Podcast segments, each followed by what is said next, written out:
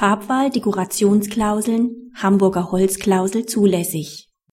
Grundsätzlich steht es dem Mieter frei, wie er seine Wohnung gestaltet. Er muss jedoch berücksichtigen, dass bei Rückgabe der Wohnung ein Zustand hergestellt sein muss, der einem verobjektivierten Geschmack der Mehrzahl von Mitinteressenten gerecht wird.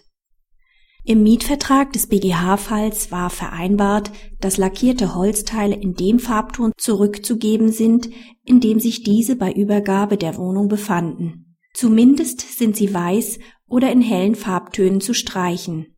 Nach Beendigung des Mietverhältnisses verlangt der Kläger wegen Missachtung dieser Vorgaben Schadensersatz.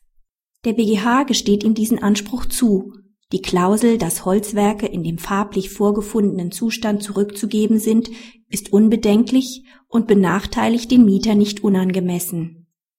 Da sich die Klausel nur auf den Zeitpunkt nach Beendigung des Mietverhältnisses bezieht, schränkt sie den Mieter nicht in seinem Recht zur freien Gestaltung seines Lebensraums ein dass der Mieter aus wirtschaftlichen Gründen gegebenenfalls auch bereits während der Mietzeit einen Anstrich wählt, der dem zum Zeitpunkt der Rückgabe erforderlichen entspricht, ist hinzunehmen.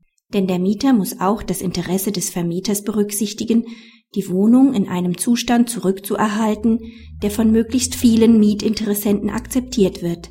Das muss nicht zwingend ein einziger Farbton sein, so dass dem Mieter eine Bandbreite an Gestaltungsmöglichkeiten offen steht. Dem wird die Klausel im Ausgangsfall hinreichend gerecht. Praxishinweis.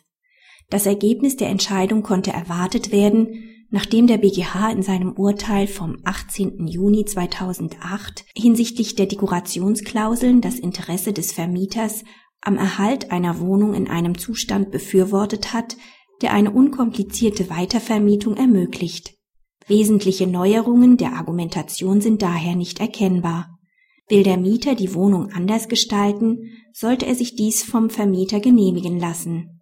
Diese Genehmigung erstreckt sich aber nur auf den Zeitraum der Vermietung und wäre insoweit daher nicht erforderlich, so dass der Mieter gut beraten ist, die Genehmigung auch auf das Belassen des von ihm geschaffenen Zustands bei Mietende zu erstrecken